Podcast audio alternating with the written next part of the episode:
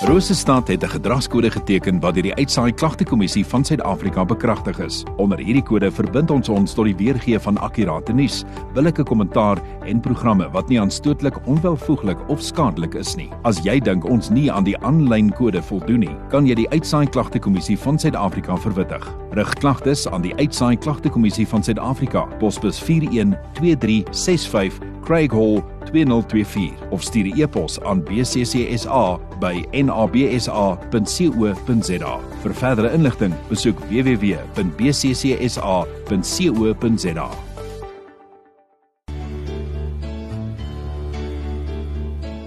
Tyd vir oggendgodsdiens op 100.6 FM.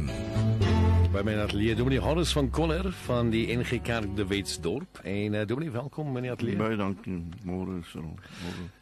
Dominee, as ons 'n bietjie kyk, ehm um, julle bazaar is altyd 'n groot ding wat gebeur elke jaar. Ehm um, is julle reg het jy al begin beplan wanneer is dit? Wat gebeur? Ja, dis is elke jaar maar die 21ste Maart sal en ehm um, daar is al reeds baie goed gedoen al want die die die wild is besig om geoes te word waar mense biltong en droëwors maak. Die ander werk sal maar eers van die week daarna begin, jy weet die beeste nie goed. Ja, oh, wonderlik. Ons sien baie uit aan daai ene. Is altyd 'n uh, ene vir die kalender. So dan ons moet slanke nota maak van daai. Maar uh, het jy uh, dalk miskien wat wat se boodskap het jy dalk 'n sekere boodskap vir die vir die ja. dag vir die week? Ons gaan ek gaan vanoggend saam lees uit Jesaja hoofstuk 43 vers 1 tot en met vers 4. Dis maar net die die die Here is by ons die hele tyd.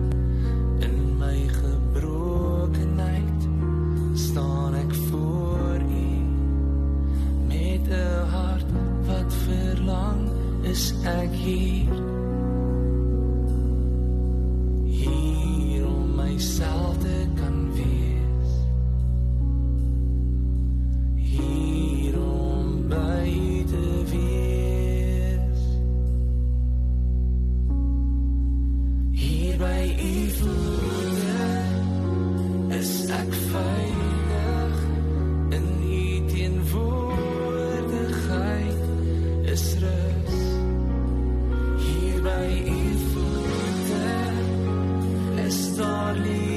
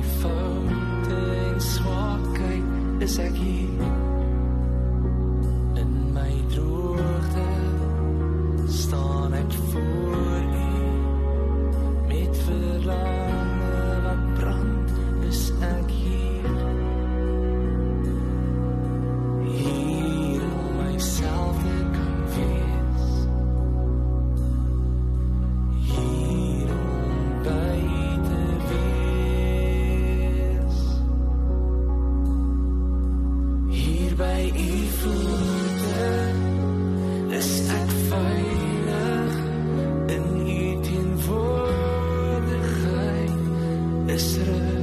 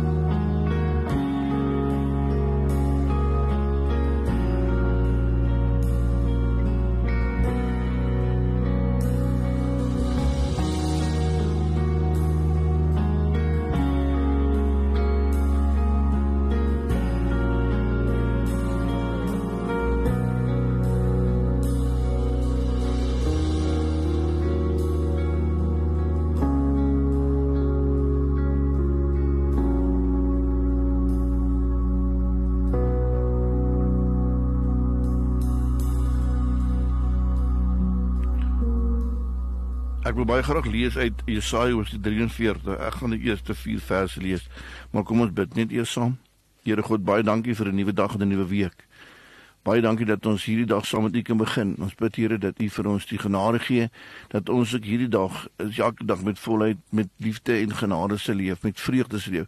U dit vir ons beplan het om Jesus naam natuurlik. Amen. Jesaja hoofstuk 43 vers 1 sê: Luister so sê die Here wat jou geskep het, Jakob, wat jou gevorm het, Israel. Moenie bang wees nie, ek verlos jou. Ek het jou op jou naam geroep, jy is myne. As jy deur water moet gaan, as ek by jou. Riviere sal jou nie wegspoel nie. As jy deur vuur moet gaan, sal dit jou nie skroei nie. Vlamme sal jy ook nie brand nie, want ek is die Here jou God, die Heilige van Israel, jou redder. Ek gee Egipte as losprys vir jou, Kus en Seba in jou plek omdat jy vir my kosbaar is, omdat ek jou hoog ag en vir jou lief is, gee ek mense in jou plek, volke in ruil vir jou lewe. Ek lees tot sover die Here seën sy woord. Geleerdes reken dat daar twee basiese behoeftes is wat binne in elke mens leef twee emosies waarin hulle sê elke ander emosie hulle oorsprong het. Die rede is hoekom jy opstaan in die oggend, hoekom jy doen wat jy moet gaan doen, hoekom jy met vreugde kan lewe elke dag. Die een is jy behoort aan, hierdie een van sekerheid, ek is iets, ek is iemand. Die tweede een is teenoorgestelde, jy die onsekerheid, jy weet nie wie regtig wie is nie en dan gaan jy die onsekerheid aan en dan word dit angs. Nou dink gou, is jy dankbaar oor elke dag? Sien jy uit na 'n nuwe dag voor jou, die geleenthede en die uitdagings, dan is jou lewe waarskynlik gebou op die emosionele fundament van ek behoort aan, ek is iets, ek is iemand, ek het sekerheid. Elke oggend op onseker opstaan en jy wonder oor die dag wat vir jou inhou. Jy's bang vir dit. Jy's angstig oor die ekonomie, die politiek. Jy bevrees vir jou en jou mense se veiligheid, jou toekoms. Wel dan is dit waarskynlik gebou op hierdie een van onsekerheid, onsekerheid wat oorgaan nou weer na angs toe. Tog weet ons ook dat elke mens tog met 'n bietjie angs in hom leef. Ons is bietjie angstig omdat ons onseker is en 'n mens hou nie van onsekerhede nie. Of ons is angstig omdat ons voel dat ons nie beheer het oor ons lewens of oor dele van ons lewens nie. Maar dit is eenvoudig soveel dinge wat kan skeefloop en waaraan ons niks kan doen nie. Ons kan natuurlik ook angstig wees omdat daar jy soveel dinge was wat ons kon doen, maar wat ons nie gedoen het of wat ons verkeerd gedoen het. En die gedagte daarin vuur ons angs verder aan, want die skuldgevoelens laat ons wakker lê. Dit maak nie saak hoe dan kyk nie. Feit van die saak is, almal van ons wortel met angs of die situasie waarin ons ons bevind nou deur ons eie toedoen is of nie. Aan die ander kant is 'n mate van angs ook gesond, want dit bring jou in beweging. Angs hou ons op ons tone en maak ons paraat en kreatief om oplossings te vind en deur te voer maar te veel angs of onhoudende angs is weer ongesond. Te veel angs veroorsaak letterlik daardie gedeelte van ons brein, hierdie emosionele setel, as dit ware uitsny. En wanneer dit gebeur, dan kan ons nie meer logies dink nie, nie goeie besluite neem nie, dan kry ons emosionele uitbarstings omdat ons beheer verloor het en in langtermyn lê dit ons lam en beroof dit van alle moontlike vooruitsigte en toekomsdrome. 'n Oormaat angs bring moedeloosheid, uitsigloosheid, alles word donker presies dit het met die volk Israel gebeur toe hulle ballingskap was. Ergste van alles was die lende was hulle eie skuld. Hulle het oor hulle self gebring weens hulle omstandigheid, hulle hardkoppigheid, hulle ongehoorsaamheid teenoor God en ten spyte van talle waarskuwings en tweede kansse en nuwe beginners, het dit nie opgehou nie. En toe hierdie waarskuwings uiteindelik werklikhede word, toe het die mense gedink maar die volk maar hulle het hierdie situasie oor hulle self gebring. Nou het hulle nie reg om vir God genade te vra nie en dit het hulle angs vererger want hulle het gedink hulle niks om op te beroep nie want dit is hulle eie skuld. Daarom lees ons op plekke hoe dat hulle opgehou het om te bid vir uitkoms. Hulle het hulle vermoedigheid om te bid verloor want God sal tog nie help nie want die ellende is ons eie skuld. So het hulle gedink maar toe juist toe wanneer die volk die diepste van 'n nood besef en die angs van selfverwyd aan hulle begin vreet toe hulle nie meer weet hoe om tot God te bid of hulle enigsins tot die reg het om met hom te praat nie toe kom daar 'n totale onverwagte wending in hulle situasie want toe raak God aan die praat. En dit wat hy sê is totaal anders as wat die volk verwag want in plaas van verwyd sê God vir hulle ek is julle skepper. Ek het julle uitgedink Ek het julle op aarde geplaas. Daarom behoort julle aan my en daarom is ek altyd by julle. In goeie tye en moeë tye, maar ook veral in julle moeilikste tye. Moenie bang wees nie. Ja, so klink die trooswoorde vir hulle. Hulle wat moed verloor het, hulle wat as en ware alles verloor het. Dis jou Skepper wat praat. Ek kan uitkoms bring. Moenie bang wees nie, want ek is by jou. Wanneer ons as mense meer deur onsekerheid as liefde gedryf word, onthou tog, God word altyd deur liefde gedryf. Want liefde is immers die rede waarom hy geskep het. Dis die rede waarom hy homself aan ons toevertrou het en beloof het om altyd by ons te wees vir ons sorg en te help. Daarom besweer God die volk se angs. Die beloftes wat jy God vir Jesaja gee, sê tog duidelik wanneer hulle deur beproewinge gaan, sal God hulle bewaar, selfs deur vuur, vlam en water. En in die middel, daar waar die hoogtepunt van sy boodskap lê, sê God dat die volke en mense as losprys sal gee in ruil vir sy volk se lewe.